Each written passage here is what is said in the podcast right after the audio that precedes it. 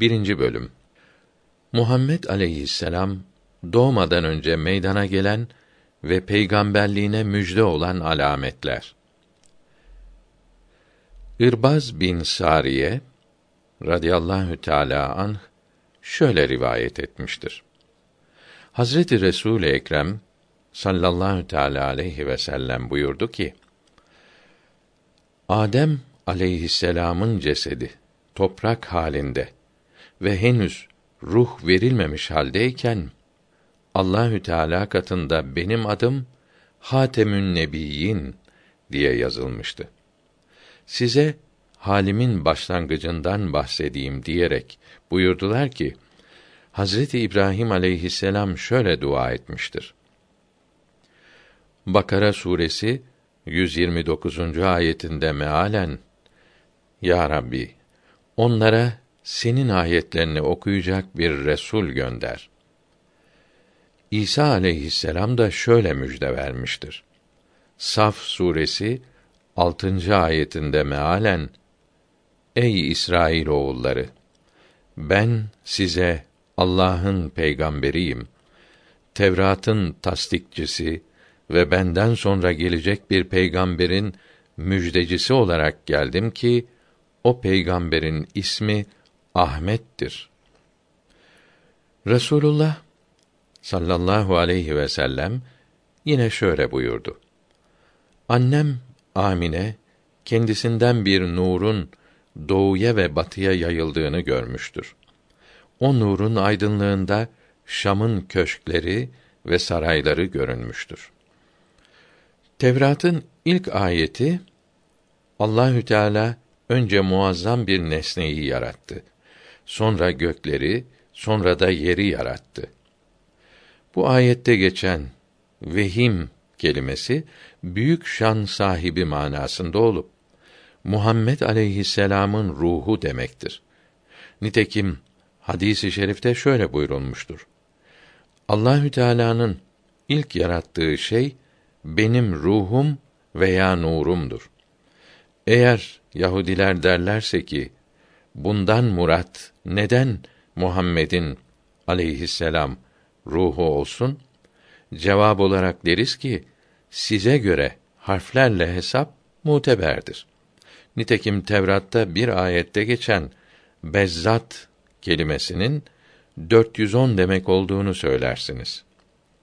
Bununla Süleyman aleyhisselam'ın Beyt-i Mukaddes'i bina etmesinden 410 sene sonra harab olur diye söylemeniz gerçekleşti. Bunun birçok başka misalleri de vardır. Rivayet olunur ki Muhammed aleyhisselama Yahudi alimlerinden bir grup geldiler ve ya Muhammed işittik ki sana Elif lam mim ayeti gelmiş. Bu senin ümmetinin 71 sene hüküm süreceğine işarettir dediler. Bunun üzerine Muhammed aleyhisselam buyurdu ki bana sadece elif lam mim gelmedi. Ha mim ayn sin kaf ve kaf ha ya ayn sad ve elif lam ra ve elif lam mim sad ayeti kerimeleri de geldi. Yahudi alimleri bunları işitince işimiz çok zorlaştı ya Muhammed aleyhisselam diyerek ayrılıp gittiler. Tevrat'ın ilk ayetinde geçen el-vehim kelimesini harf hesabıyla hesap ederek 92 çıktığını gördük. Bu rakam Muhammed ismine uygundur. Yine itiraz ederek elvehim kelimesi Tevrat'ın ilk ayetinde geçen muazzam bir nesne kelimesinin mef'ulü değil failidir.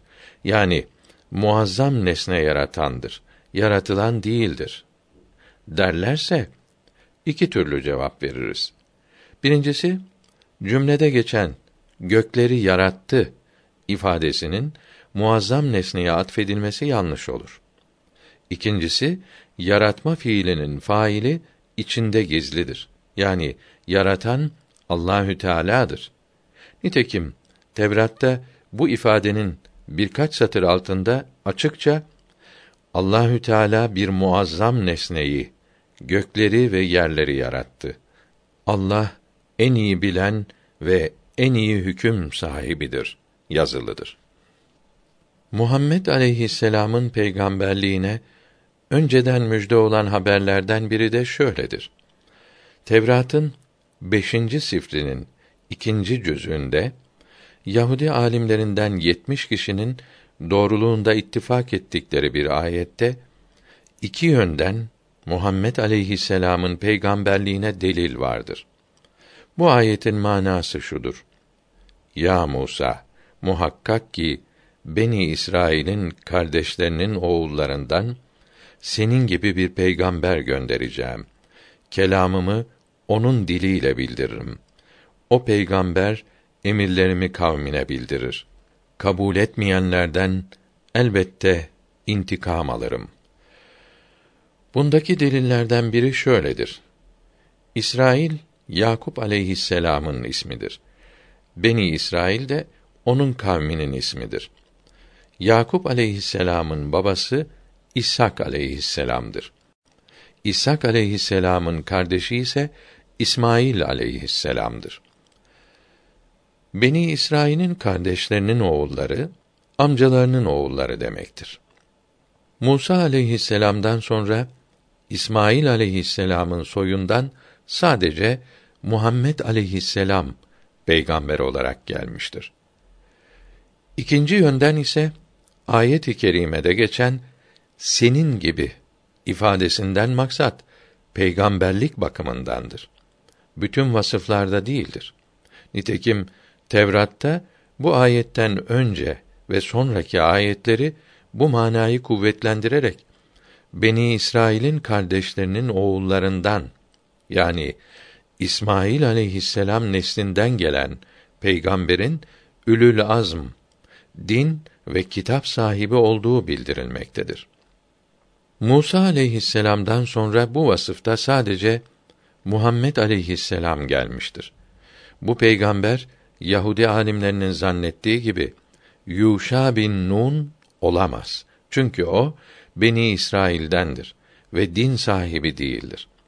Yine Nasrani patriklerinin zannettikleri gibi Musa aleyhisselam'dan sonra gelen din sahibi peygamber İsa aleyhisselam da değildir. O da İsrail oğullarındandır ve din sahibi değildir. Nitekim İncil'de İsa aleyhisselam'ın şöyle dediği yazılıdır. Ben Musa'nın aleyhisselam dinini değiştirmek için gelmedim. Tamamlamak için geldim. Tevrat'ta şöyle bildirilmiştir. Yakup aleyhisselam kavminin toplanmasına emretti ve onlara ahir zamanda gelecek bir peygamberden şöyle haber verdi. Hakimin hükmü ve rasimin resmi ancak bütün kabilelerin ve cemaatlerin etrafında toplanacağı kimsenin gelmesiyle yürürlükten kalkar. Yakup aleyhisselam kavmine söylediği hakim sözüyle din ve hüküm sahibi Musa aleyhisselamı Rasim sözüyle de onun dinini tamamlayan İsa aleyhisselamı kastetmiştir. Hazreti Musa ve Hazreti İsa'dan aleyhisselam sonra etrafında bütün insanların toplandığı din sahibi peygamber şeksiz şüphesiz bizim peygamberimiz Muhammed aleyhisselam'dır. O sadece bir kavme değil, bütün insanlara gönderildi. Ondan başka bütün insanlara gönderilen bir peygamber yoktur. Tevrat'ta Hazreti İbrahim'e aleyhisselam şöyle hitap olunmaktadır. Ben senin duanı İsmail aleyhisselam için kabul ettim. İsmail'i aleyhisselam da bematmat ile bereketlendirdim. Bematmat kelimesindeki harfler hesap edilince Muhammed kelimesindeki harfler gibi 92 çıkıyor. O halde Tevrat'taki bu ayette İsmail'i aleyhisselam Muhammed ile aleyhisselam bereketlendirdim demektir. Allahü Teala Tevrat'ta İsmail aleyhisselamın bereketinden bahsettiği her ayette hep bematmat kelimesine uygun getirmiştir. Eğer itiraz ederek bematmat kelimesindeki ba harfi sıla içindir, ile manasınadır. Ba harfi kelimenin kendi harfi değildir. Mat mat ile İsmail'i bereketlendirdim demektir. Mat mat kelimesinin harf sayısı Muhammed kelimesine denk değildir derlerse bunun cevabı şöyledir. İbrani dili kaidelerine göre aynı iki harf bir kelimede gelirse ve biri zait, biri de kelimenin aslından olursa telaffuz zor olacağından zait olan harf kaldırılır. Nitekim Yahudi alimleri Tevrat'ın tefsirlerinde bunu beyan etmişlerdir. İşte bemat mat kelimesinde de ile manasına gelen b harfi kaldırılmış, kelimenin aslından olan b harfi kalmıştır. Tevrat'ın son ayetinde Allahü Teala Sina'dan geldi. Sairi şereflendirdi. Faran dağından göründü buyurulmaktadır. Burada gelmek, şereflendirmek ve görünmek Allahü Teala'nın zatının değil, ismi caminin zuhurundan bir zuhurdur. Sina kelimesiyle Musa aleyhisselamın makamı olan Tur Dağı kastedilmiştir. Sair Şam dağlarında bir yerin adıdır. O makamda Yakup Nebi'nin aleyhisselam kardeşi Veys padişahlık yapmıştı. Nasara onun neslindendir. Faran'dan murat Mekke'de bir dağdır ki Muhammed aleyhisselam'ın makamıdır. Orası İsmail aleyhisselam'ın da makamıydı. Peygamber Efendimiz sallallahu aleyhi ve sellem Hazreti İsmail'in aleyhisselam neslindendir. Haykuk Nebi aleyhisselam şöyle buyurmuştur. Tevrat'ta şöyle yazılıdır. Allahü Teala Faran dağından bir peygamber getirir. Gökler Ahmet tesbihiyle dolar. Onun ümmeti karada olduğu gibi denizde de ata biner. O yeni bir kitap ile gelir. Beyt-i Mukaddes'in yıkılmasından sonra tanınır. Şu uya Nebi aleyhisselam şöyle buyurmuştur. Biri merkep üzerinde, biri de deve üzerinde iki kimse gördüm ki yeryüzünü aydınlatıyorlardı. Merkep üzerindeki İsa aleyhisselam'dır. Deve üzerindeki Peygamber Efendimiz'dir. Sallallahu aleyhi ve sellem. Yine o şöyle buyurmuştur. Ben deve üzerine binen bir zat gördüm. Onun yüzü ay gibidir. Hazreti Musa Beni İsrail'e vasiyetinde size kardeşleriniz oğullarından bir peygamber gelecektir. Onu tasdik ediniz ve sözlerini dinleyiniz buyurdu. İbn Abbas'tan radıyallahu anhüma şöyle rivayet edilmiştir. Peygamber Efendimizin sallallahu teala aleyhi ve sellem Tevrat'ta Ahmet, Dahuk, Kattal, deveye binici ve yün hırka giyen, kırıntılarla iktifa eden, kılıcı yanında gibi isim ve sıfatlarla geçtiği haber verilmiştir. Dahuk kelimesinin manası güler yüzlü, her şeye üzülmeyen demektir. Bazen mübarek azı dişleri görününceye kadar gülerdi. Ben latife ederim ama doğrudan gayri söylemem buyurmuştur. Yalan söylemeden şaka yapardı. Bir gün bir ihtiyar kadına ihtiyar kadınlar cennete giremez buyurdu. O ihtiyar kadın ağladı.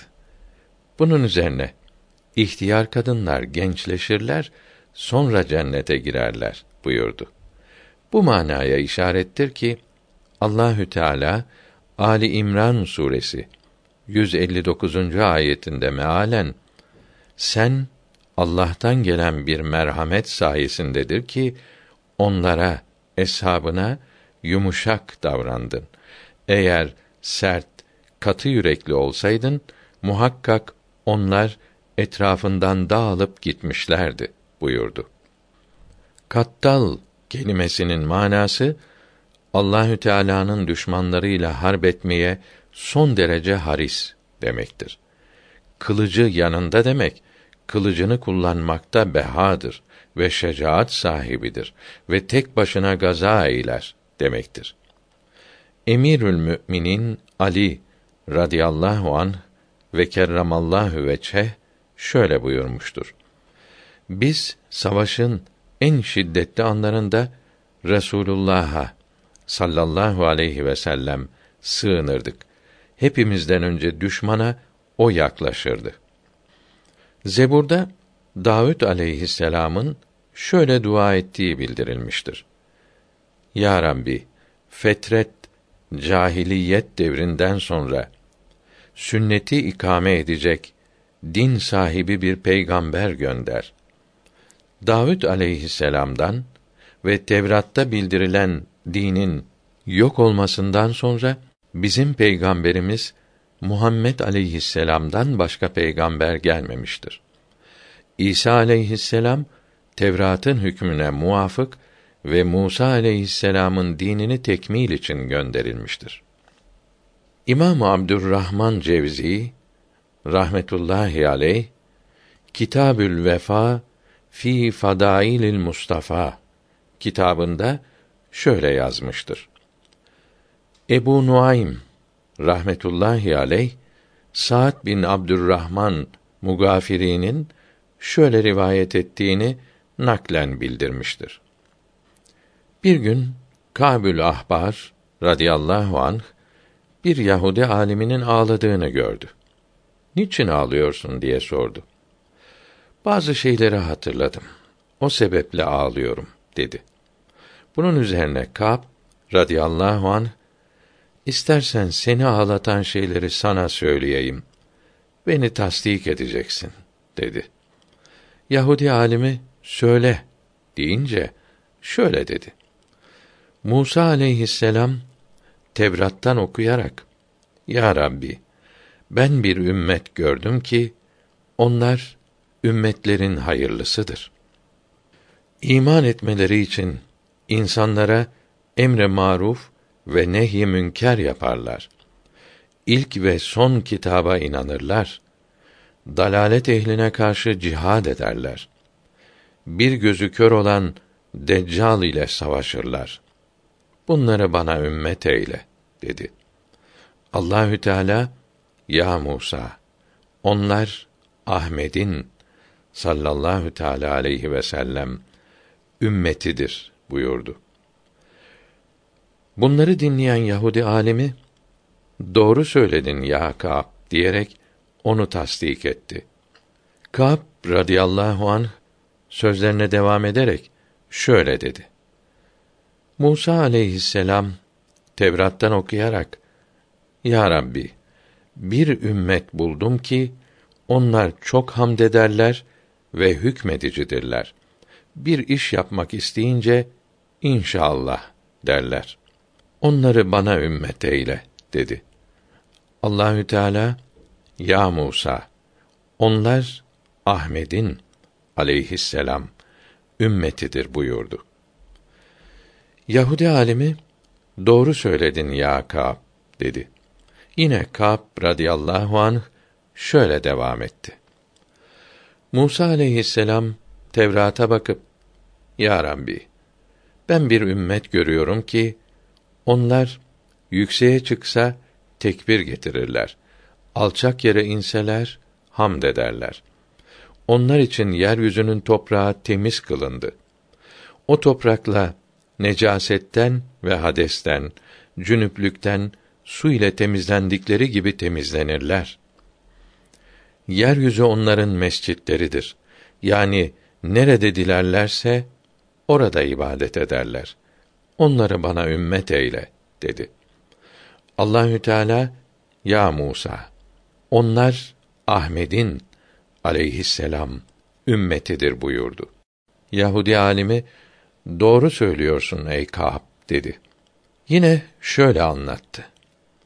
Musa aleyhisselam Tevrat'ta okuyup Ya Rabbi bir ümmet gördüm ki onlar merhamet edilmiş ve zayıf kimselerdir.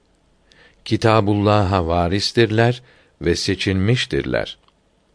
Allahü Teala Fatır suresi 32. ayetinde mealen onlardan da kimi nefslerine zulmedicidir. Kimi kötülük ve iyiliğe müsavi gidendir. Kimi de Allah'ın izniyle hayırlarda ileri geçendir. İşte bu Kur'an'a varis olmak büyük ihsandır buyurdu. Onlardan merhamet edilmemiş kimse görmedim. Onları bana ümmet eyle dedi. Allahü Teala onlar Ahmed'in aleyhisselam ümmetidir buyurdu. Yahudi Kaba radıyallahu an doğru söyledin dedi. Yine şöyle anlattı. Musa aleyhisselam Tevrat'ta görerek Ya Rabbi ben bir ümmet buldum ki onların musafları kalplerindedir. Namaz kılarken melekler gibi saf tutarlar. Mescitlerinde bal arısı gibi sesleri işitilir. Onlardan pek azı cehenneme gider. Onları bana ümmet eyle deyince Allahü Teala ya Musa aleyhisselam onlar Ahmed'in aleyhisselam ümmetidir buyurdu. Yahudi alimi doğru söyledin ya Kâb dedi. Musa aleyhisselam Muhammed aleyhisselam'ın ümmetine verilen hayırları ve üstünlükleri görünce onun ümmetinden olmak istedi. Allahü Teala Musa aleyhisselama şu üç ayeti bildirerek onu teselli eyledi. Birincisi Araf suresi 144. ayetinde mealen Ya Musa ben seni peygamber göndermekle ve seninle vasıtasız kelam etmekle seni asrının insanları üzerine seçtim. Şimdi şu sana verdiğim emir ve yasakları al da şükredenlerden ol.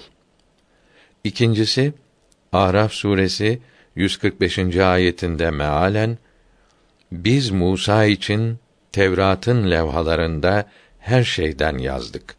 Nasihatlara ve din hükümlerinin açıklanmasına ait her şeyi. Üçüncüsü Araf suresi 159. ayetinde mealen Musa'nın kavminden insanları doğru yola götürür ve hak ile adalet yapar bir topluluk vardı buyuruldu. Bu anlatılan şeyler Resulullah sallallahu teala aleyhi ve sellem tarafından da bildirildiği hadis-i şerif kitaplarında vardır. Tafsilatı o kitaplardadır. Yine Abdurrahman Cevzi rahmetullahi aleyh İbni Ömer'in radıyallahu anhuma şöyle rivayet ettiğini bildirmiştir. Kâb radıyallahu an şöyle anlatmıştır.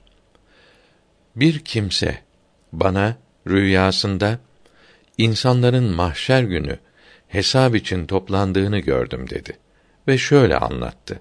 Peygamberler aleyhisselam davet edildi. Her biri ümmetiyle geldi. Her birinin iki nuru vardı. Kendilerine tabi olanlarınsa birer nuru vardı ve o nur ile yürüyorlardı. Sonra Muhammed sallallahu aleyhi ve sellem davet olundu. Onun başında ve sakalında olan kıllar sayısınca nurları vardı. Ona tabi olanlarınsa ikişer nuru vardı. O iki nurla koşuyorlardı. Kâb radıyallahu anh dedi ki, ben o kişinin anlattıklarının rüya olmadığını zannettim ve bunları sana kim anlattı dedim. Bunları rüyamda gördüm deyince, rüyanda mı gördün dedim. Evet dedi. Bunun üzerine Kâb radıyallahu anh dedi ki, nefsim kudretinde olan Allah hakkı için bunlar doğrudur. Bu Muhammed aleyhisselam'ın ümmetinin ve enbiyanın ümmetinin sıfatlarıdır. Ben bunları Tevrat'tan devamlı okuyup dururum. Yine Abdurrahman Cevzi nakletmiştir. Nemle radıyallahu anh babası Ebu Nemle'den şöyle rivayet etmiştir. Beni Kurayza Yahudileri Muhammed aleyhisselam gelmeden önce onun vasıflarını kitaplarından ders olarak okuturlardı. Çocuklarına Resulullah'ın sallallahu teala aleyhi ve sellem sıfatlarını, isimlerini ve Medine'ye hicret edeceğini devamlı anlatarak öğretirlerdi. Muhammed aleyhisselama peygamberliği bildirilince ve Medine'ye hicret edince hasetlerinden inkar ettiler. Abdurrahman Cevzi şöyle yazmıştır. Ebu Said Hudri radıyallahu anh babasının Ebu Malik bin Sinan'ın şöyle dediğini rivayet etmiştir. Bir gün aramızdaki harpten dolayı sulh için Beni Abdüleşhel kabilesine gittim. Yahudi Yuşa şöyle diyordu. Ahmet ismindeki peygamberin haremden, Mekke'den zuhur etme zamanı yaklaştı. Halife bin Salebe el-Eşeli onunla alay ederek o peygamberin sıfatı nedir diye sordu. O da şöyle dedi: Ne kısa ne de uzun boyludur. İki gözünde kırmızılık vardır. Yün hırka giyer, merkebe biner. Bu belde Medine şehri hicret yeri olacaktır. Ebu Malik bu sözlere hayret edip bunları kavminden Ebu Hudri'ye anlattı. Kendilerinden bir kimse bu sözleri işitince bunları sadece Yahudi Yuşa söylemiyor ki Medine'nin bütün Yahudileri aynı şeyleri söylüyorlar dedi. Ebu Malik sözlerine devamla şöyle anlatmıştır. Beni Kurayza kabilesine mensup Yahudilerin yanına gittim. Onlar da Resulullah'ın sallallahu aleyhi ve sellem zuhur edeceği hususunu aralarında konuşuyorlar idi. Zübeyr bin Bata şöyle diyordu. Yine kızıl bir yıldız doğdu. Bu ancak bir peygamberin geleceğine işaret olarak doğar. Peygamberlerden Ahmet adındaki peygamberden başka gelmeyen kalmamıştır. Bu belde Medine onun hicret edeceği yerdir. Ebu Said şöyle demiştir. Resulullah sallallahu aleyhi ve sellem Medine'ye hicret edince babam bu haberleri Resulullah'a aleyhisselam anlattı. Bunları dinleyince buyurdu ki: Eğer Zübeyr iki arkadaşı ve reisleri Müslüman olsalardı, bütün Yahudiler Müslüman olurlardı. Abdurrahman Cevzi şöyle yazmıştır. İbn Abbas radıyallahu anhuma şöyle anlatmıştır. Resulullah'ın sallallahu teala aleyhi ve sellem gönderilmesinden önce Yahudiler Evs ve Hazreç kabilelerine karşı yardım beklerlerdi. O peygamberin gelme zamanı çok yakındır. Bizim intikamımızı sizden alacaktır derlerdi. Allahü Teala Muhammed aleyhisselama peygamberliğini bildirince Yahudiler kabul etmediler ve sözlerini inkar ettiler. Bunun üzerine Muaz bin Cebel ve Beşir bin Berar radıyallahu anhuma onlara ey Yahudiler Allah'tan korkun Müslüman olun siz bize Hazreti Muhammed'in sallallahu teala aleyhi ve sellem gelmesiyle yardıma kavuşacağınızı söylerdiniz. O zaman biz müşrik idik. O peygamber yakında gelecek diyerek vasıflarını sayıyordunuz dediler. Yahudilerden Selam bin Meşkek şöyle cevap verdi. Bizim size vasfettiğimiz peygamber o değildir. Bildiğimiz alametler onda yoktur. Bütün bildikleri alametleri gördükleri halde inkar ettiler. Bunun üzerine Allahü Teala onlar hakkında Bakara suresi 89. ayetinde mealen Vakta ki onlara Allahü Teala tarafından Tevratlarını tevhid, nübüvvet ve haşirde tasdik edici Kur'an-ı Kerim geldi. Kabul etmediler ve inanmadılar. Bununla beraber daha önce Arap müşriklerine karşı Yahudiler müşkül durumda kaldıkları zaman Tevrat'ta açıklanan ahir zaman peygamberi gelip bu müşrikler üzerine bize yardım edeydi diye dua ederlerdi.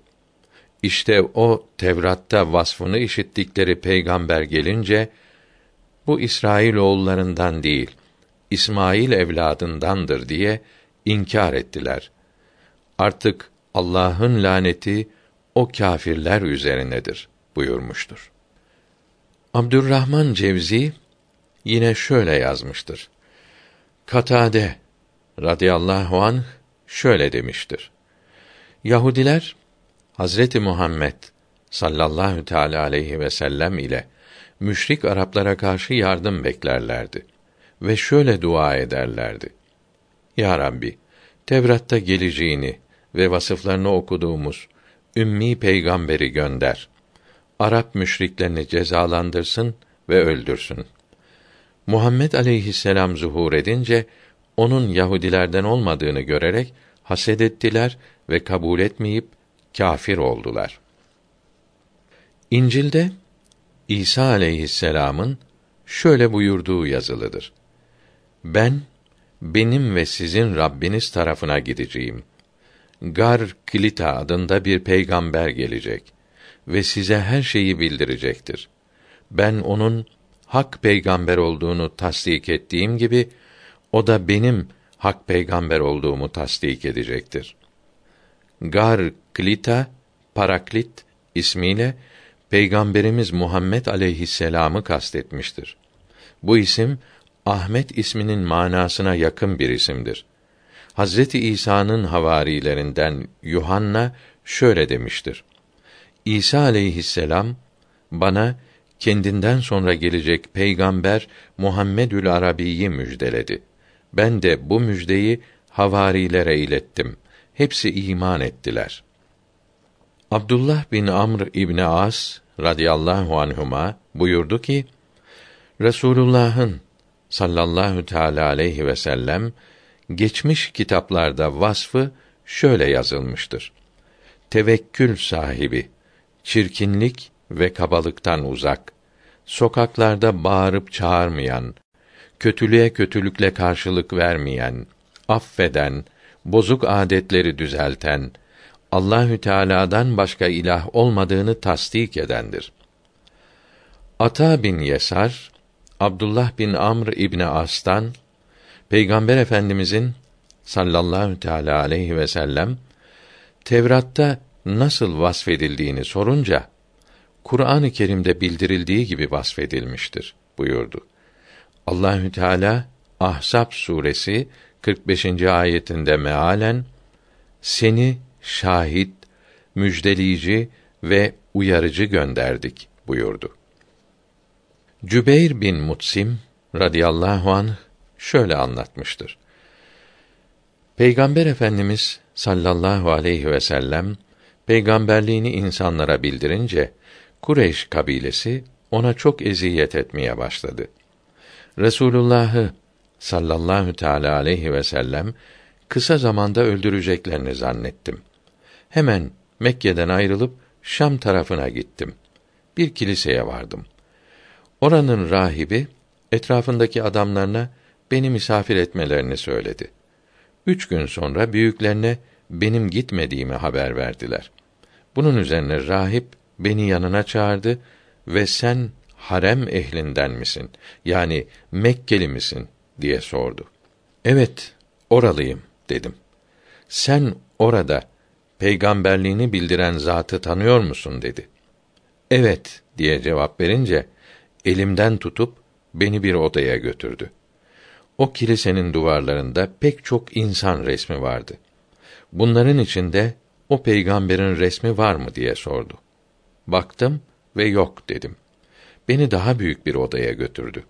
Orada daha çok resim vardı. Bana bu resimlere bak. Onun resmini bu resimler arasında görürsün dedi. Baktım. Resulullah'ın sallallahu teala aleyhi ve sellem resmi ve yanında da Hazreti Ebubekir'in resmi vardı. Fakat içimden hangisi olduğunu göstermeyeyim. Bakalım rahip ne diyecek diye düşünerek elimle göstermedim.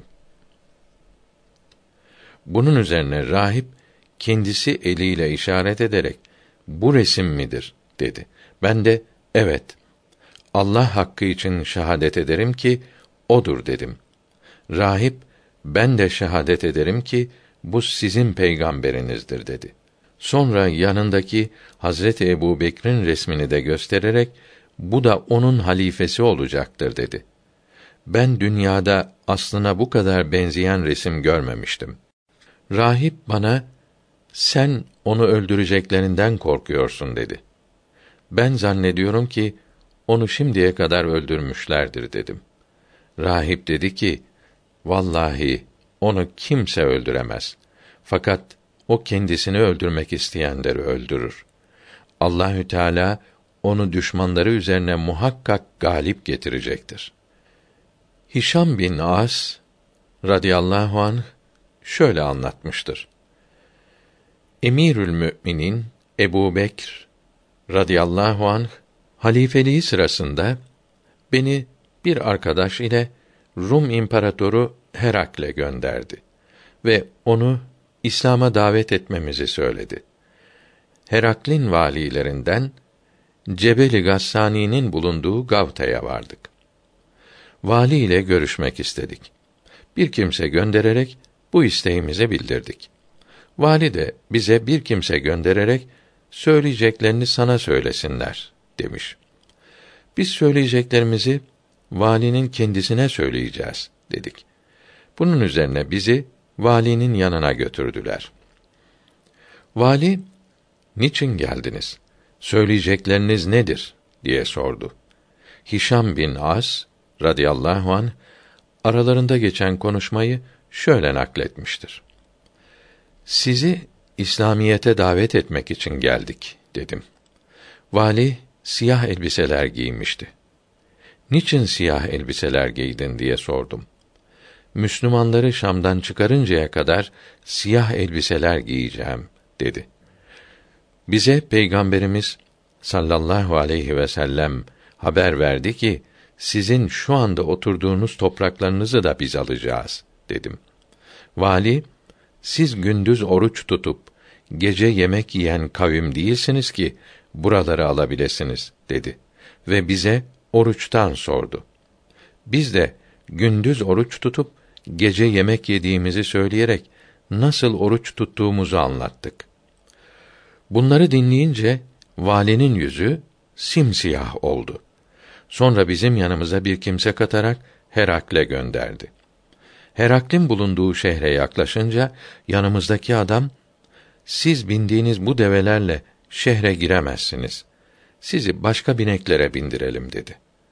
Biz kendi develerimizden başka bineğe binmeyiz dedik.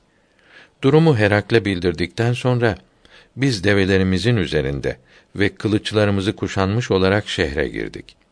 Heraklin sarayının önüne vardık. Herakl sarayının penceresinden bize bakıyordu. Yüklerimizi indirdik. La ilahe illallahu vallahu ekber dedik. Heraklin bakmakta olduğu pencerede oturduğu yer hurma dalı gibi sallandı.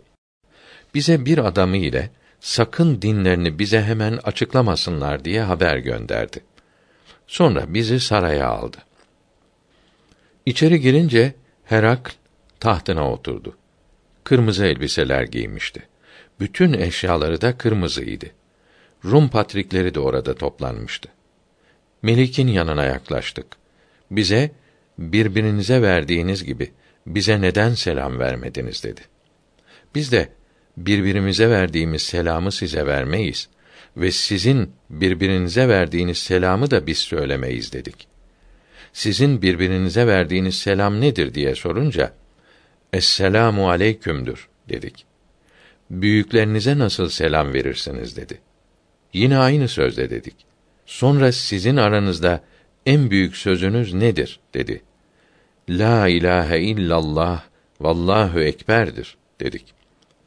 Bu sırada içinde bulunduğumuz oda yine sallandı. Melik başını kaldırıp tavana baktığında başı da sallanıyordu. Sonra bize dönüp siz bu sözü büyüklerinizin yanında söyleyince bulunduğunuz yerde böyle sallanma olur mu dedi. Hayır sallanmaz. Biz böyle sallanmayı sadece burada gördük diye cevap verdik. Melik isterdim ki bu sözü söylediğiniz her yerde böyle sallanma olsaydı dedi. Niçin dedik? Çünkü o zaman bu sallanma peygamberlik alametlerinden olmazdı. Bir göz boyamacılık ve sihir olurdu dedi. Sonra bize arzu ettiği birçok sorular sordu, cevabını verdik. Abdestimizden, namazımızdan sordu. Biz de cevap verdik. Sonra bize iyi bir yer hazırlattı. Orada üç gün misafir kaldık. Bir akşam bizi yanına çağırdı. Önceki sorduğu soruları tekrar etti. Biz de cevaplarını verdik. Sonra işaret etti. Bir sandık getirdiler. Sandığın dört köşesi altınla süslenmiş ve eskimiş birçok bölümleri vardı. Her bölümün kapağı ve üzerinde kilidi vardı. Bir bölümü açıp içinden siyah renkli bir ipek parçası çıkardı. Bu ipeğin üzerinde bir insan resmi yapılmıştı.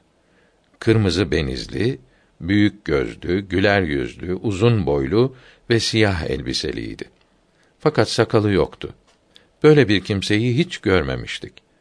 Bunu tanır mısınız? Kimdir? dedi. Biz hayır bilmiyoruz dedik. Melik bu Adem'in aleyhisselam resmidir dedi. Sonra sandıktan başka bir bölmeyi açtı. Bir parça siyah ipek daha çıkardı. Üzerinde bir insan resmi vardı. Beyaz benizli, kıvırcık saçlı, kırmızı gözlü, başı büyük ve sakalı güzeliydi. Bunu tanır mısınız dedi. Tanımayız dedik. Bu Nuh aleyhisselam'dır dedi. Sonra sandıktan bir bölme daha açıp bir parça siyah ipek çıkardı. Onun üzerinde de bir insan resmi vardı. Çok beyaz, açık alınlı, güzel gözlü, beyaz yüzlü, ak sakallı ve sanki canlı gibi tebessüm eder bir haldeydi. Bunu tanıdınız mı dedi. Hayır dedik. Bu İbrahim aleyhisselam'dır dedi. Sonra bir resim daha çıkardı. Ak benizliydi. Herakl bize bunu tanıdınız mı dedi. O peygamber efendimiz idi sallallahu aleyhi ve sellem. Hemen tanıdık ve evet vallahi bu bizim peygamberimizdir dedik ve ister istemez ağlaştık. Melik ayağa kalktı ve sonra oturdu ve Allah hakkı için bu sizin peygamberinizdir dedi. Biz de evet bu bizim peygamberimizin suretidir. Sanki onu canlı gibi görüyoruz dedik. Sonra Melik bize dikkatlice baktı ve bu resim bu sandığın son bölümündedir. Fakat ne yapacağınızı görmek için bunu size acele ederek önce gösterdim dedi. Sonra sandığın diğer bölmelerini birer birer açtı. Her birinde bir peygamber sureti vardı. Son olarak bir yiğit resmi çıkardı. Siyah sakallı, nur yüzlü, güzel gözlüydü. Bunu tanıdınız mı dedi. Hayır bilmiyoruz dedik. Bu İsa bin Meryem'dir aleyhisselam dedi. Herakle bunları nereden buldunuz? Bunlar peygamberlerin hilyelerine uygundur. Zira peygamber efendimizin sureti hilye-i saadetine uygundur dedik.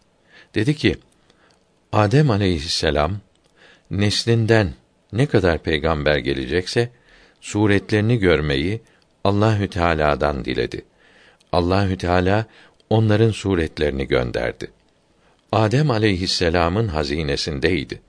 Zülkarneyn o resimleri garp tarafında bir yerde buldu ve Danyal aleyhisselama verdi.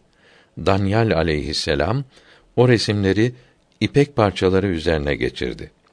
Bunlar aynen Danyal Nebi'nin tasvir ettiği resimlerdir. Herakl bunları anlattıktan sonra mülkümü terk edip sizin yanınızda ölünceye kadar hizmetçilerinizden olmayı çok isterdim dedi.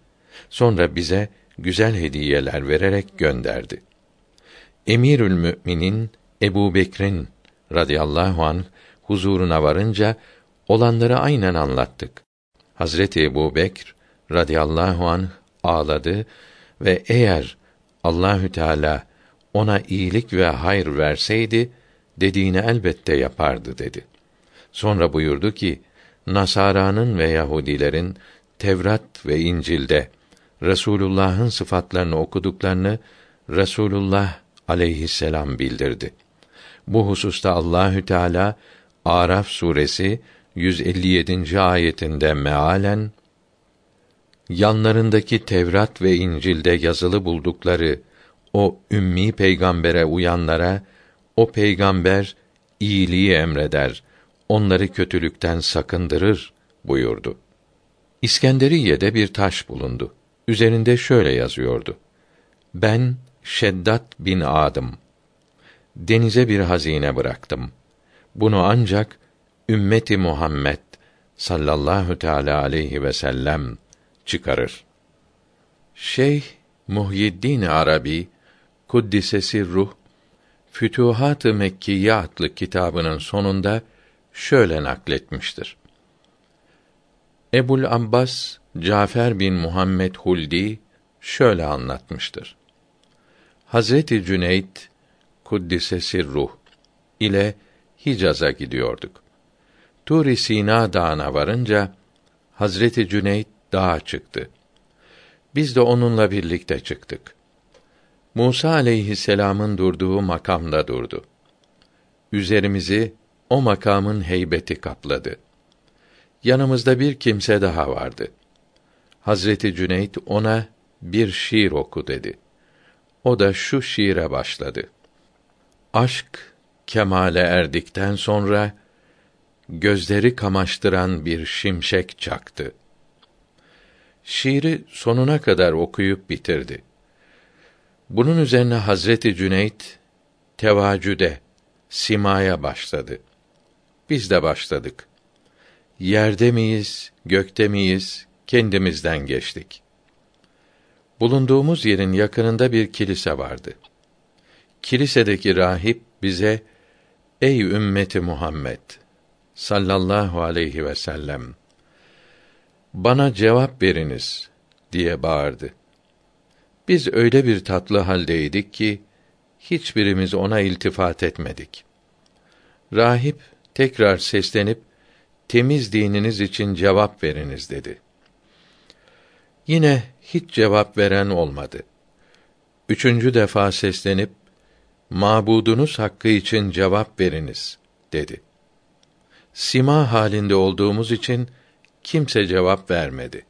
Simağı bitirince Cüneyd-i Bağdadi Hazretleri Tur Dağı'ndan aşağı inmek istedi. Kilisedeki rahibin bana cevap veriniz diye yemin verdiğini söyledik. Öyleyse onunla konuşalım.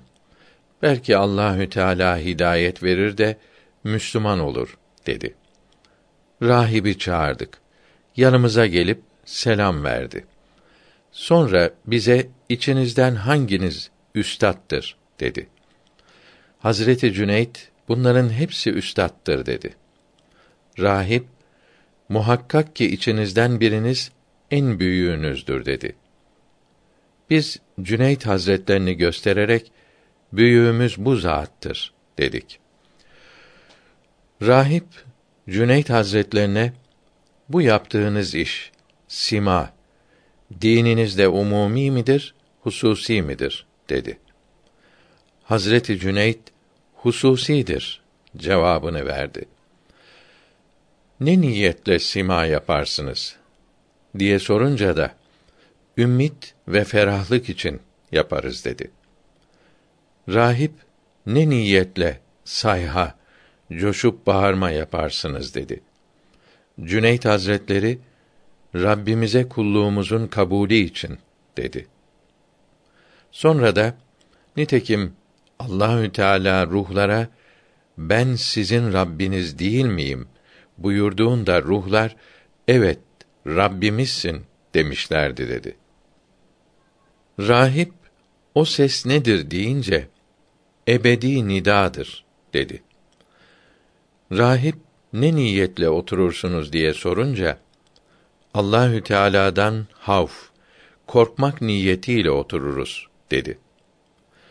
Rahip doğru söylüyorsun deyip kelime-i şehadeti söyledi ve Müslüman oldu. Cüneyt Hazretleri rahibe bizim doğru söylediğimizi nereden bildin dedi. Rahip dedi ki ben Mesih bin Meryem'e inen İncil'de şöyle okudum. Muhammed'in aleyhisselam ümmetinin havassının seçilmişlerinin elbiseleri hırka, yemekleri ekmek parçaları ve meskenleri bir odadır. Onlar Allahü Teala'ya aşıktırlar ve ancak onunla ferahlık ve rahatlık bulurlar. Devamlı onu isterler. O rahip Müslüman olduktan üç gün sonra vefat etti. Rahmetullahi aleyh. Amir oğullarından Evs bin Harise ölmek üzereydi. Akrabaları yanında toplandılar. Gençliğinde evlenmedin. Malik'ten başka oğlun yoktur. Halbuki kardeşinin beş oğlu vardır, dediler. Evs şöyle dedi. Allahü Teala ateşi taştan çıkarmaya kadirdir. Benim neslimi de Malik'ten çoğaltır. Sonra yüzünü oğlu Malik'e döndü. Vasiyetini yaptı ve sonunda birkaç beyt okudu. Son iki beyti şöyledir. Ali Galip neslinden bir peygamber çıkacak. Zemzem ile Hacer'in arasında duracak. Bütün şehir halkıyla ona yardım ediniz. Ey amir oğulları, saadet ona yardımda olacak. Kabül Ahbar radıyallahu anh şöyle anlatmıştır. Babam bana Tevrat'ın bir sifri, cüz'ü hariç her tarafını okutmuştu. Okutmadığı sifri sandığa koyup kilitlemişti. Babam vefat edince sandığı açıp o sifri sandıktan çıkardım. Onda şöyle yazılıydı. Ahir zamanda bir peygamber gelecektir. Saçlarını bırakır, elini ayağını yıkar. Beline izar bağlar. Doğacağı yer Mekke'dir. Hicret edeceği yer Medine-i Tayyibe'dir. Ümmeti daima Allahü Teala'ya hamd edicidir. Yüksek yerlerde tekbir getirirler. Abdest almaları sebebiyle kıyamet gününde elleri, ayakları ve alınları parlak ve nurlu olacak. Vehb bin Münebbih şöyle nakletmiştir. Allahü Teala Beni İsrail nebilerinden Şuya aleyhisselama şöyle vahyetti.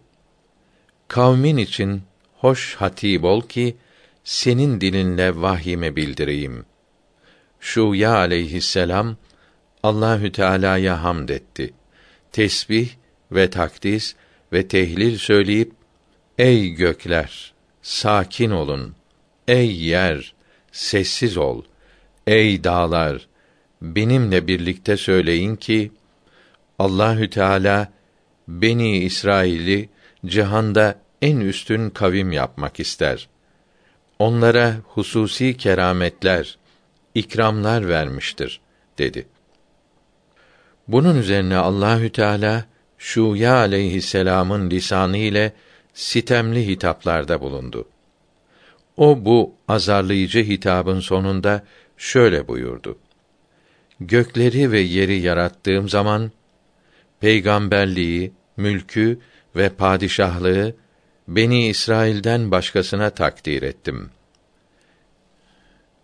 Mülkü koyun güden bir taifeye verdim.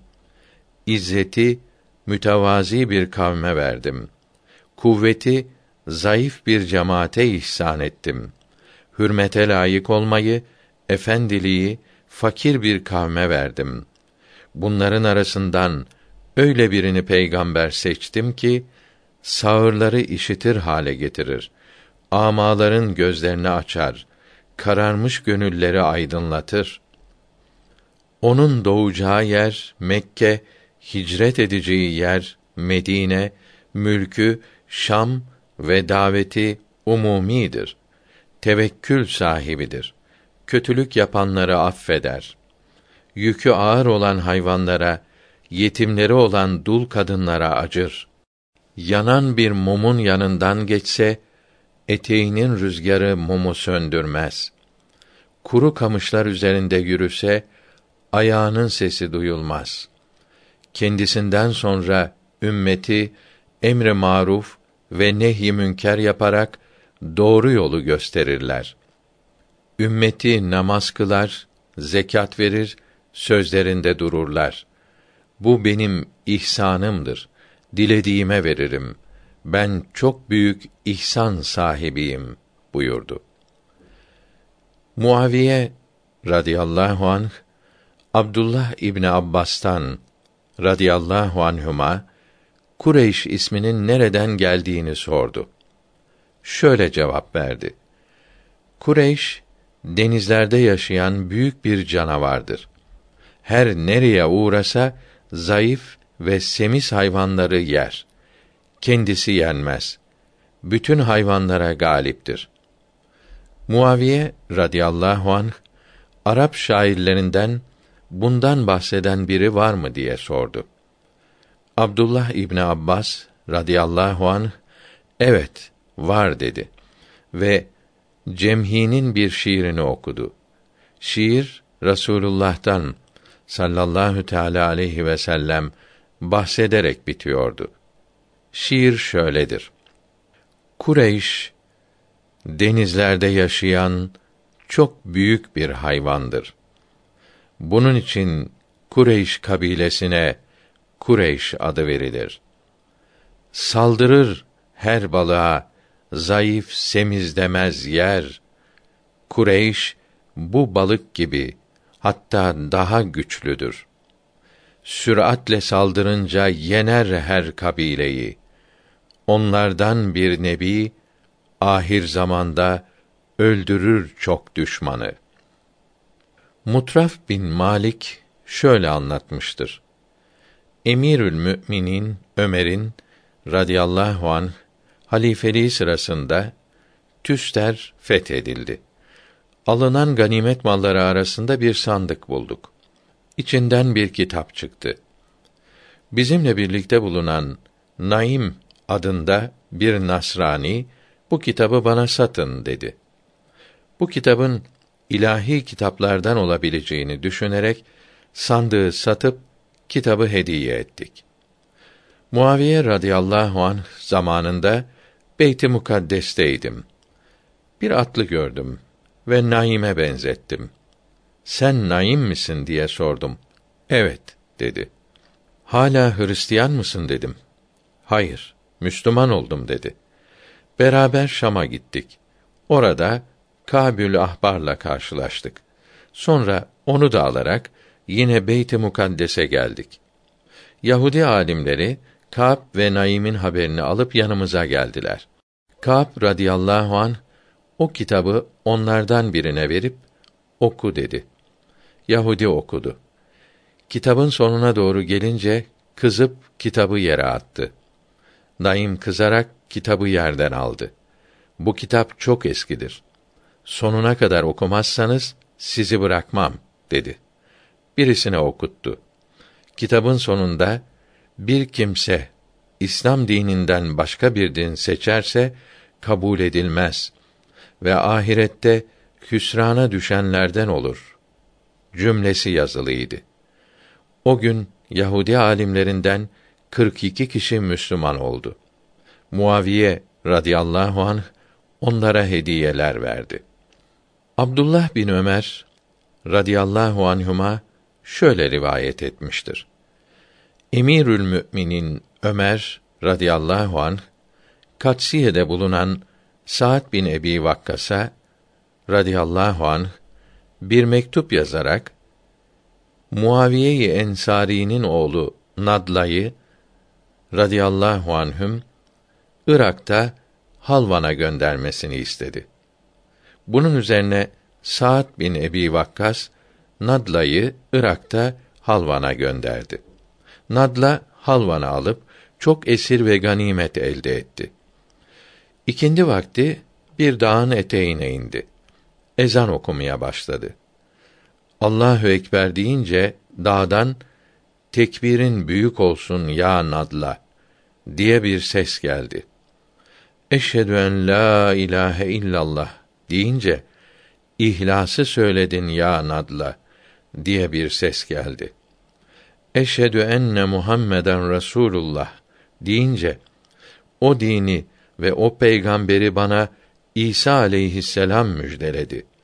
O din o peygamberin ümmetinde kıyamete kadar baki kalır diyen bir ses işitti.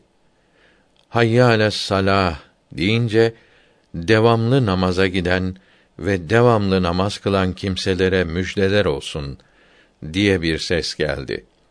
Hayya alel felah deyince bu davete icabet eden felah bulur diye bir ses geldi. Allahu ekber deyince ihlasın hepsini tamamladın ya nadla diye bir ses geldi. Ezan bitince Allah sana rahmet etsin. Sesini duyuyoruz kendini de göster. Zira biz Allahü Teala'nın kulları ve Resulünün ümmetiyiz ve Ömer bin Hattab'ın cemaatiyiz dedik. Bunun üzerine aniden dağ yarıldı ve içinden büyük bir insan başı göründü. Saçlı, aksakallı, yünden iki eski hırka giymiş birisiydi.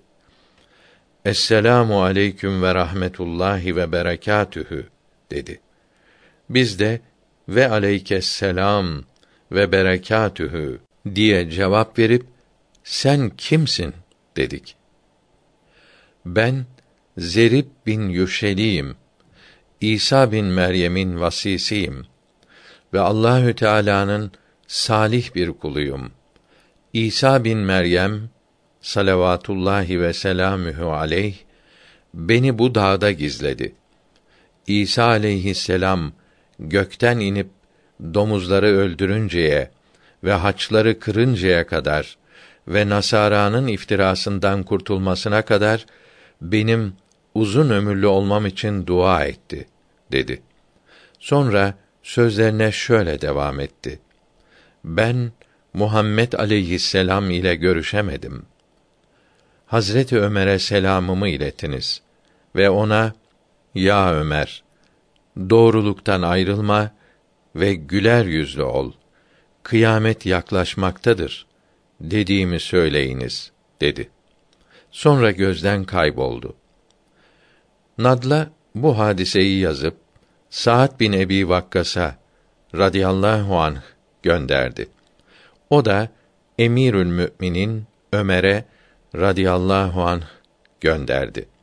Hazreti Ömer Sa'd bin Ebi Vakkas'a şöyle yazdı. Yanında bulunan ensar ve muhacirin ile o dağa git. Benden o kimseye selam söyle.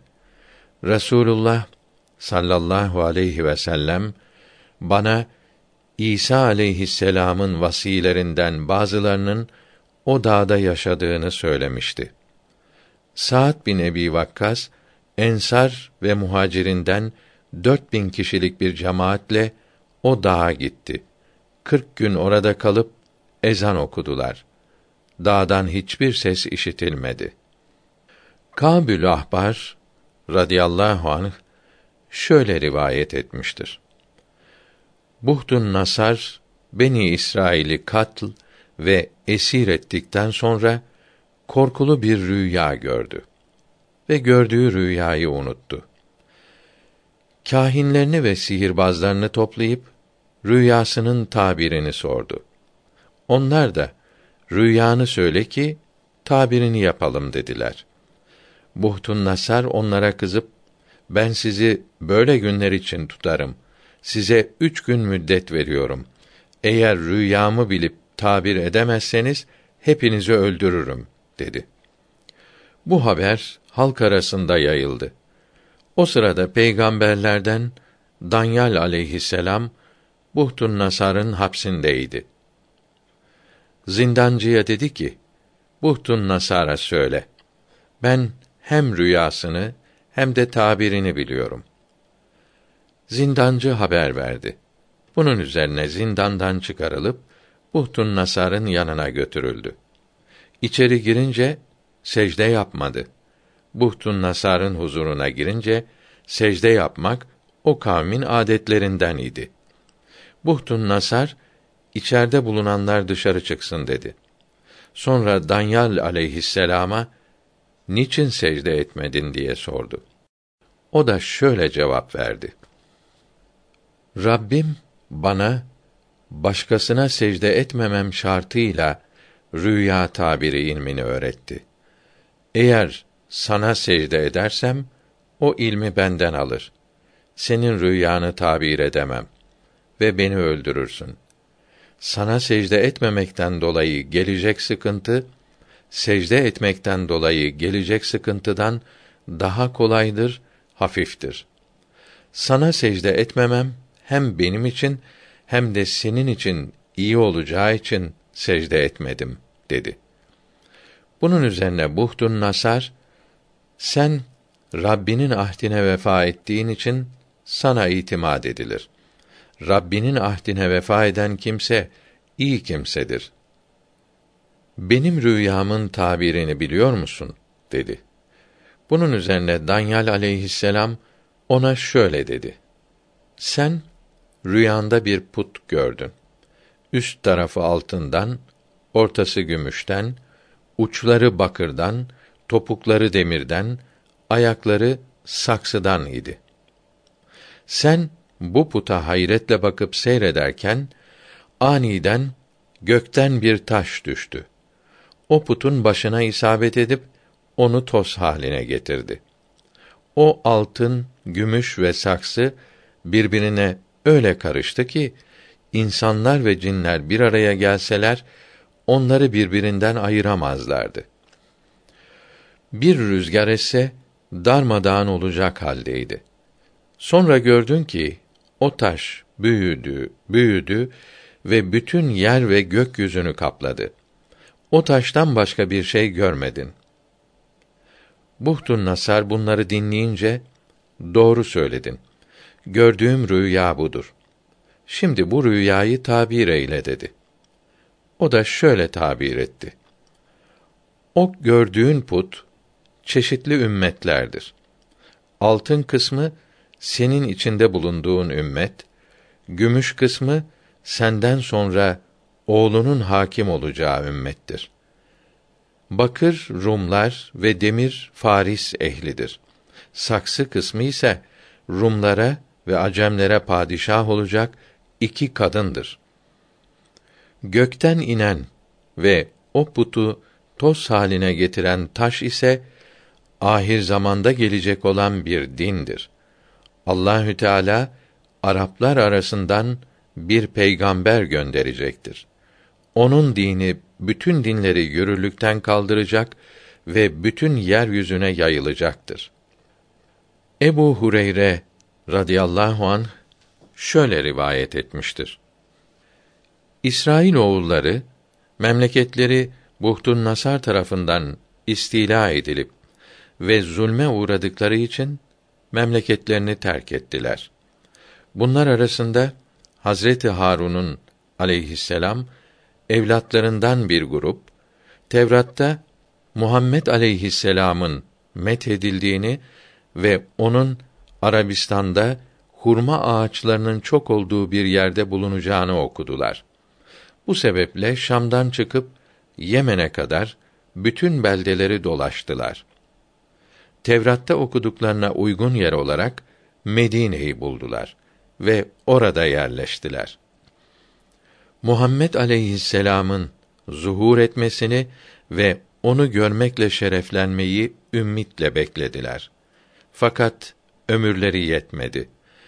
Evlatlarına ona sallallahu teala aleyhi ve sellem kavuşur ve görürseniz iman ediniz diye vasiyet ettiler. Kâb bin Lüey bin Galip Resulullah'tan sallallahu aleyhi ve sellem 560 sene önce yaşamıştır. Tevrat ve İncil ehlinden Peygamber Efendimizin metini ve vasıflarını işitmişti. Hutbelerinde daima işittiği bu vasıfları ve medihleri söylerdi. Şu beyt onun şiirlerindendir. Arabi beyt tercümesi. İnsanlar gafletteyken gelir yüce peygamber. Muhammed'dir, doğrudur, ondadır doğru haber. Aleyhisselam. İbni Adi bin Rebiya'nın adı Muhammed idi. Baban cahiliye devrinde senin adını neden Muhammed koymuş diye sordular. Dedi ki, ben de aynı şekilde babama sordum. Şöyle cevap verdi. Bir gün dört arkadaş Şam'a giderken bir kilisenin yanında konakladık. Aramızda konuşuyorduk. Kilisenin rahibi başını dışarı uzatıp sizin diliniz bu şehir halkının diline benzemiyor dedi. Biz de evet biz Arap diyarındanız dedik. Bunun üzerine dedi ki size müjdeler olsun. Hak Sübhanehu ve Teala sizin aranızdan bir peygamber gönderecektir. Ona iman etmekle ve hizmetle şereflenesiniz. O Hatemün Nebiyyindir. Biz onun ismi nedir dedik. Onun ismi Muhammed'dir dedi. Şam'dan dönünce Allahü Teala dördümüze de birer erkek evlat verdi. İsimlerini Muhammed koyduk. Abdullah İbni Abbas radıyallahu anhuma şöyle nakletmiştir. Satih Gassani adında bir kahin vardı. İnsanlardan onun gibisi görülmemişti. Şöyle ki, bedeninde kemik ve sinir yoktu. Sadece başında ve elinin içinde kemik vardı. Dininden başka hiçbir yeri hareket etmezdi. Hurma ağacından ve yaprağından ona bir taht yapmışlardı. Vücudunu ayaklarından boğazına kadar sarmışlardı. Kaftan sarar gibi sarıp yaptıkları tahtın üzerine koymuşlardı. Bir yere götürmek istedikleri zaman o tahtla taşırlardı. Onu bir gün Mekke'ye götürdüler.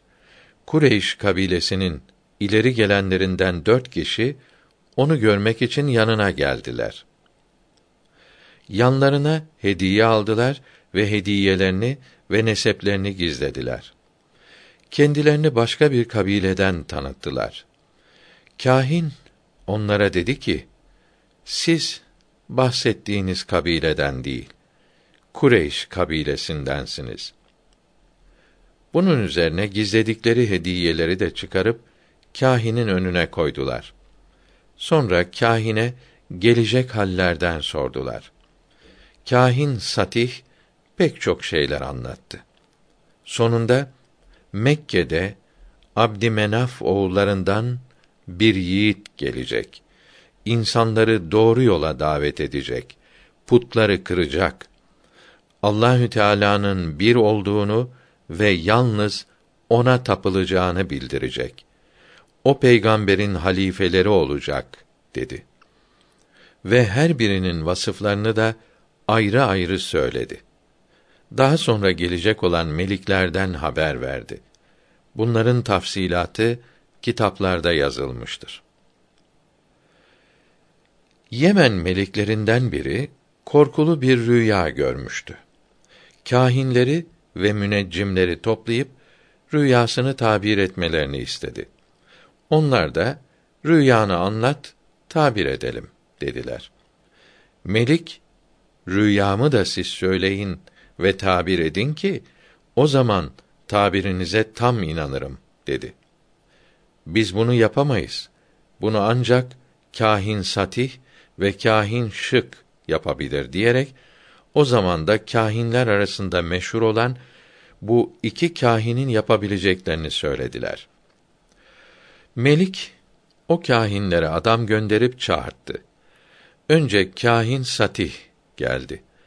Melike sen rüyanda kül veya kömür gördün ve insanlar ondan yiyordu diyerek rüyasını söyledi. Sonra tabiri şöyledir diyerek şunları anlattı. Habeşliler sana galip gelecekler. Melik bu ne zaman olur deyince 60 veya 70 sene sonra olur dedi. Melik bu memleket Habeşlilerin elinde devamlı kalır mı deyince hayır. Zilyezen kılıçları onları oradan sürer diye cevap verdi. Melik bu mülk Zilyezen oğullarına kalır mı diye sorunca da hayır. Bir peygamber gönderilecek, o mülkü alacaktır dedi. O peygamber hangi kavimdendir dedi. Galip bin Lüvey oğullarındandır. Din o peygamberle son bulur. Mülk onun kavmine kalır dedi. Melik dünyanın sonu gelir mi diye sorunca evet bir gün insanlar bir yerde yani mahşerde toplanır ve işlerine göre karşılık verilir dedi. Kahin Satih sözlerini bitirdikten sonra kahin şık geldi. O da kahin Satih'in söylediklerini aynen söyledi. Bunun üzerine Melik ailesini ve yakınlarını Irak'a gönderdi. Acem meliklerine bir mektup yazarak onlara sahip çıkmalarını istedi. Acem melikleri onları Hire denilen yere yerleştirdiler. Numan bin Münzir o melikin evladındandır. Abdülmuttalip şöyle anlatmıştır. Evimde uyurken bir rüya gördüm ve çok korktum. Tabiri için Kureyş'in kahinine gittim.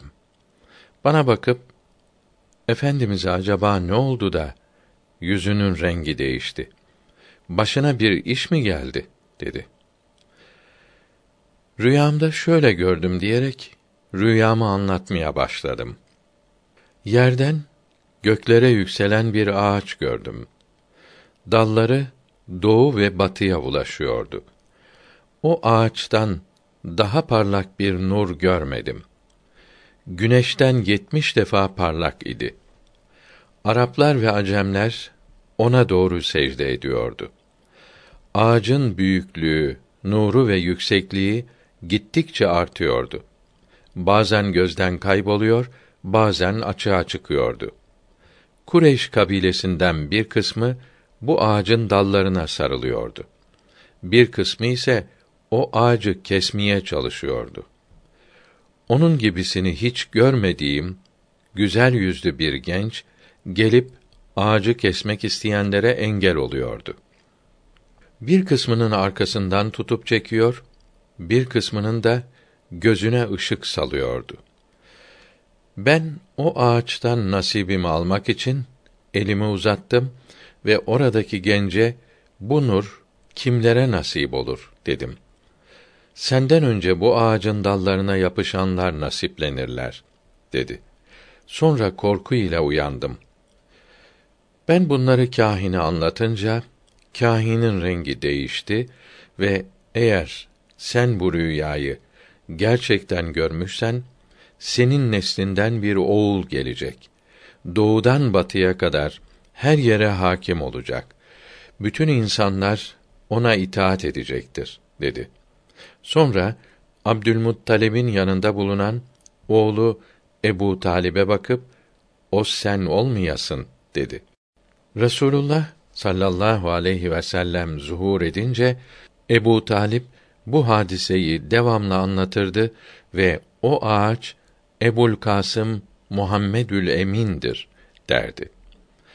Ebu Talib'e öyleyse neden iman etmiyorsun dediklerinde ayıplanmaktan korkuyorum diye cevap verirdi. Abdülmuttalip Yemen'e gitmişti. Yahudi alimlerinden biri onu görüp hangi kabiledensin diye sordu. Kureyş kabilesindenim deyince hangi kolundansın dedi. Haşim oğulları kolundanım dedi. Bunun üzerine iki azana bakmama müsaade eder misin dedi. Abdülmuttalip edep yerleri hariç müsaade etti. Yahudi alimi burnuna ve ellerine bakayım dedi. Baktı ve senin bir elinde padişahlık ve meliklik alameti ve burnunda da peygamberlik alameti görünüyor dedi. Sonra evli misin diye sordu. Hayır dedi. Öyleyse Beni Zühre kabilesinden bir kızla evlen dedi. Abdülmuttalip Yemen'den dönünce Beni Zühre kabilesinden Veheb'in kızı Hale ile evlendi. Harice Tebni Abdullah bin Ka'b bin Malik babasının şöyle anlattığını nakletmiştir. Kavmimizin yaşlılarından bir grupla umre yapmak için Mekke'ye gidiyorduk. Yolda bir Yahudi tüccarı da bize katıldı. Mekke'ye vardık. Abdülmuttalib'i gören Yahudi dedi ki: Biz değişikliğe uğramamış kitaplarımızda okuduk. Bu kişinin neslinden bir peygamber gelecektir. O ve onun kavmi bizi Ad kavmini öldürdükleri gibi öldüreceklerdir. Adem aleyhisselam insanların ilkidir. Diğer insanlar onun evladıdırlar. Onun sulbünde zerreler olarak toplu halde bulunuyorlardı. Muhammed aleyhisselam'ın cismani bedeninin maddesi olan zerre de onun sulbündeydi. Bu sebeple Adem aleyhisselam'ın mübarek yüzünde devamlı bir nur parlardı. Bu nur Hazreti Havva'ya, ondan da Hazreti Şit, Şis aleyhisselama geçti. Böylece temiz babalardan temiz analara geçerek Abdullah bin Abdülmuttalip bin Haşim'e kadar ulaştı. Bu zerre ona ulaşınca da alnında bir nur parladı. Onda öyle bir güzellik hasıl oldu ki bütün Kureyş kızları onunla evlenmek istedi. Fakat o devlet ve saadet Veheb'in kızı Hazreti Amine'ye nasip oldu. İnşallah bu husus anlatılacaktır. Şam'da Yahudi alimlerinden birinin yanında beyaz yünden bir cübbe vardı. Bu cübbeye Yahya bin Zekeriya aleyhisselam'ın kanı bulaşmıştı. Önceki mukaddes kitaplarda bu hırkadaki kuruyan kanın damla halinde akıp cübbe bembeyaz olunca Muhammed aleyhisselam'ın babası Abdullah dünyaya gelecektir diye okumuşlardı. Bir gün hırkadaki kan lekelerinin damla halinde aktığını ve cübbenin bembeyaz hale geldiğini gördüler. Anladılar ki Hazreti Abdullah dünyaya geldi. Aradan epeyce zaman geçtikten sonra Kureyş kabilesinden bir grup kimse ticaret için Şam'a gittiler. Yahudi alimleri bunlardan Abdullah bin Abdülmuttalib'in halini sordu. Onlar da onun güzelliğinden, üstün ahlakından ve alnında parlayan nurdan bahsettiler. Yahudi alimleri o nur Abdullah'ın nuru değil, bilakis Muhammed'in nurudur. Onun sebebiyle Abdullah'ın alnında parlıyor. Muhammed aleyhisselam bütün putları kıracaktır dediler. Kureyşler bu sözleri işitince ve önceden bu alametleri gördükleri için Kâbe'nin Rabbi hakkı için Yahudi alimleri doğru söylüyor diyerek onların anlattıklarını tasdik ettiler. Yahudiler Hazreti Abdullah'ın doğduğunu kesin öğrendiler. Sonra sihirbazlarından ve ileri gelenlerinden yetmiş kişilik bir kafileyle Mekke'ye gidip Hazreti Abdullah'ı öldürmek için karar verdiler. Gece yürüyüp gündüz saklanarak Mekke civarına ulaştılar. Gizlenip fırsat beklediler. Hazreti Abdullah Mekke dışına avlanmaya çıkınca onu öldüreceklerdi. Bir gün Hazreti Abdullah'ı Mekke vadilerinden birinde gördüler. Öldürmek için harekete geçtiler.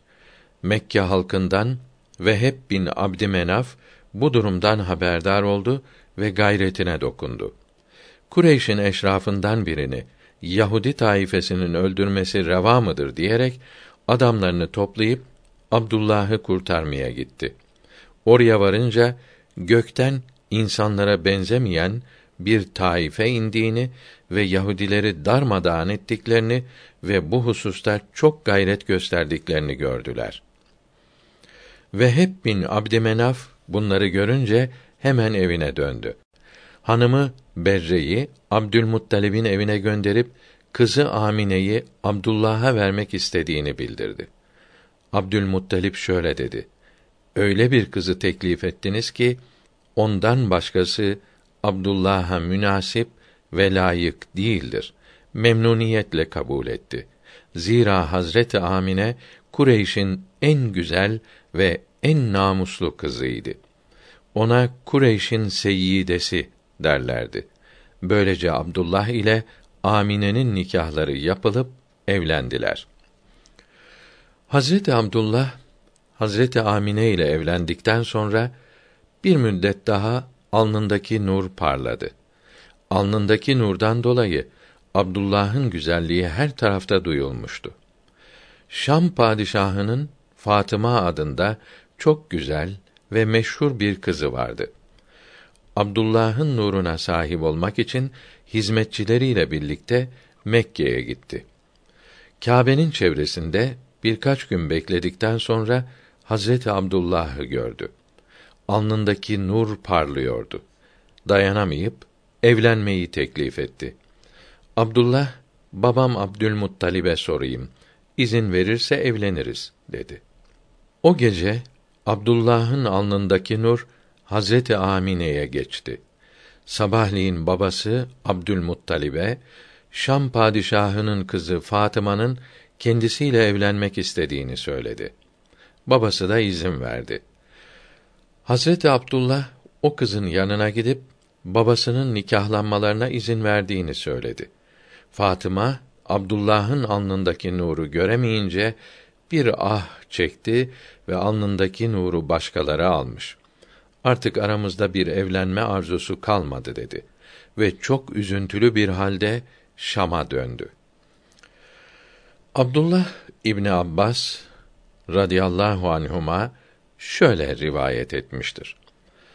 Abdülmuttalip oğlu Abdullah'ı evlendirmek istediği sıralarda Fatıma Hasamiye adında kahine bir kadına rastladılar. Kadın Abdullah'ın alnındaki nuru görünce benimle hemen evlenirsen sana yüz deve veririm dedi. Abdullah nikahsız istiyorsan olmaz. Nikahlı istiyorsan bekle düşüneyim. Sonra gelirim dedi. Oradan ayrıldılar. Hazreti Abdullah Hazreti Amine ile evlendikten bir müddet sonra o kahine kadınla karşılaştı. Alnındaki nurun kaybolduğunu gördü ve Hazreti Amine ile evlendiğini öğrendi. Bunun üzerine şöyle dedi: Ben fahişe bir kadın değilim. Alnındaki nurun bana geçmesini istemiştim. Fakat Allahü Teala başkasına nasip etmiş dedi.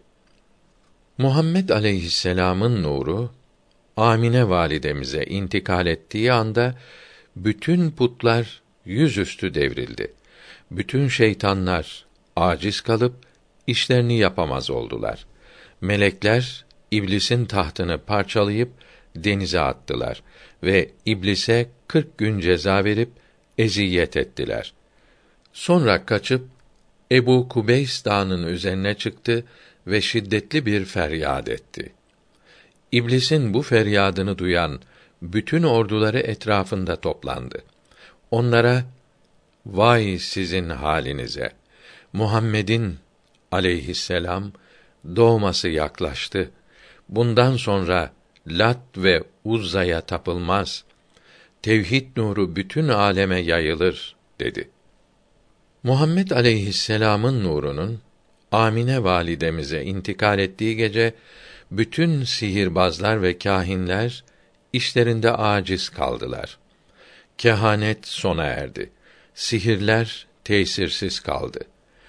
O gece yeryüzündekiler gökten ahir zaman peygamberinin binlerce iyilik ve ihsanlarla gelme zamanı yaklaştı diye bir ses işittiler. Hazreti Amine ona hamile olduğu dokuz ay müddetle hiçbir elem ve sıkıntı çekmedi. Resulullah'ın sallallahu aleyhi ve sellem dünyaya gelişi Rebiül Evvel ayının 12'sinde pazartesi gecesiydi. Ebrehe'nin Kâbe'yi yıkmak için geldiği ve fil vakası denilen günden 55 gün sonraydı. Nuşirvan-ı Adil'in zamanıydı. Nuşirvan onun doğumundan sonra 22 sene daha yaşadı.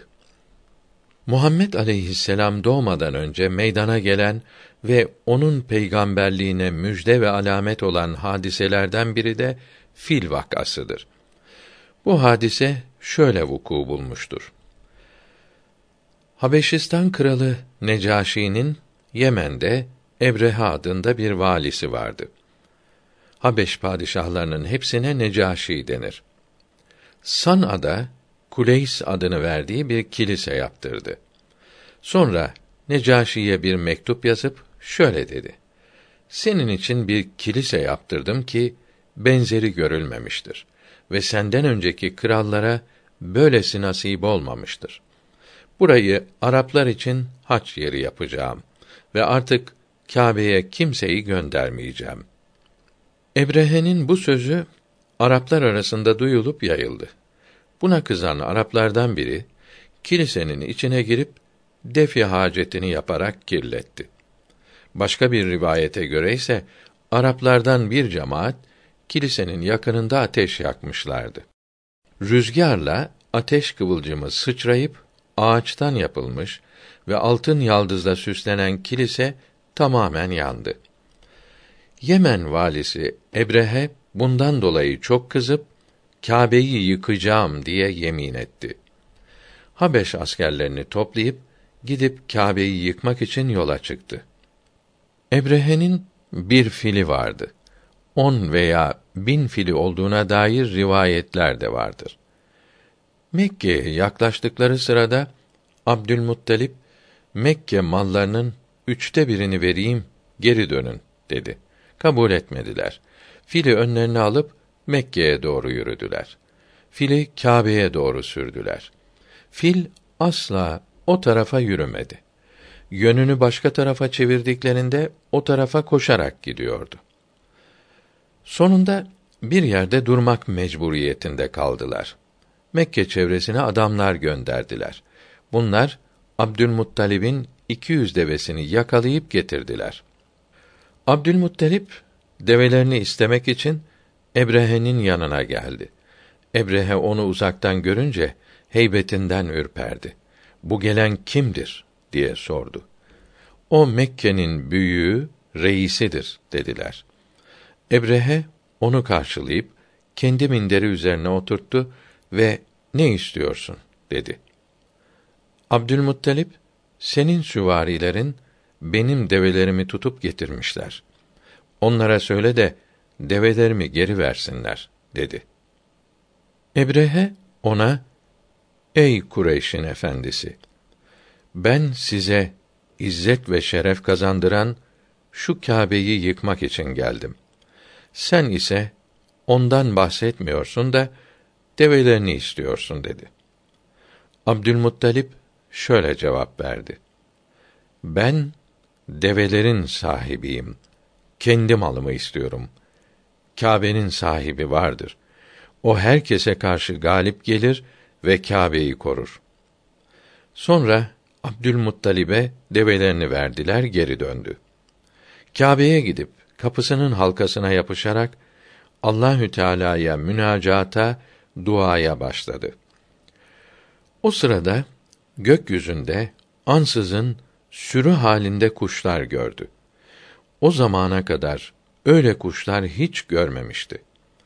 Kuşlardan her birinin gagasında ve iki ayağında mercimekten büyük, nohuttan küçük taşlar vardı. Her taşın üzerinde bir kâfirin ismi yazılıydı. Kuşların bıraktığı taş başına isabet eden askerin altından çıkıyor ve o asker hemen ölüyordu. Atlı ise atı da ölüyordu. Ebrehe'nin ordusu kaçmaya başladı. kuşlar takip edip taş bırakarak hepsini öldürdüler. Ebrehe de çok perişan bir halde öldü. Ebrehe'nin veziri kaçıp Kral Necaşi'nin yanına gitti. Hadiseyi anlattı. Necaşi, bunlar nasıl kuşlarmış ki bunca seçme ve savaşçı askeri öldürdüler dedi.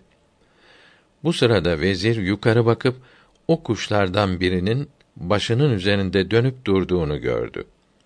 Vezir Necaşi'ye o kuşu göstererek işte o kuşlardan biri dedi. O sırada kuş vezirin başına bir taş bıraktı. Vezir Necaşi'nin gözü önünde öldü. Bu hadise Muhammed aleyhisselam'ın doğmasının yaklaştığına ve onun peygamberliğine bir işaret idi. İbn Abbas Ümmi Hani'nin evinde fil vakasında kuşların attığı taşlardan çok vardı. Çocukluğumuzda o taşlarla oynardık diye anlatmıştır. Fil vakasından 55 gün sonra Muhammed aleyhisselam doğdu. Onun doğduğu zamandan İsa aleyhisselam zamanı arası 620 senedir. İbn Asakir'in Şabi'den rahmetullahi teala aleyhima haber verdiğine göre İsa aleyhisselam ile Muhammed aleyhisselam arasında 963 sene fark vardır.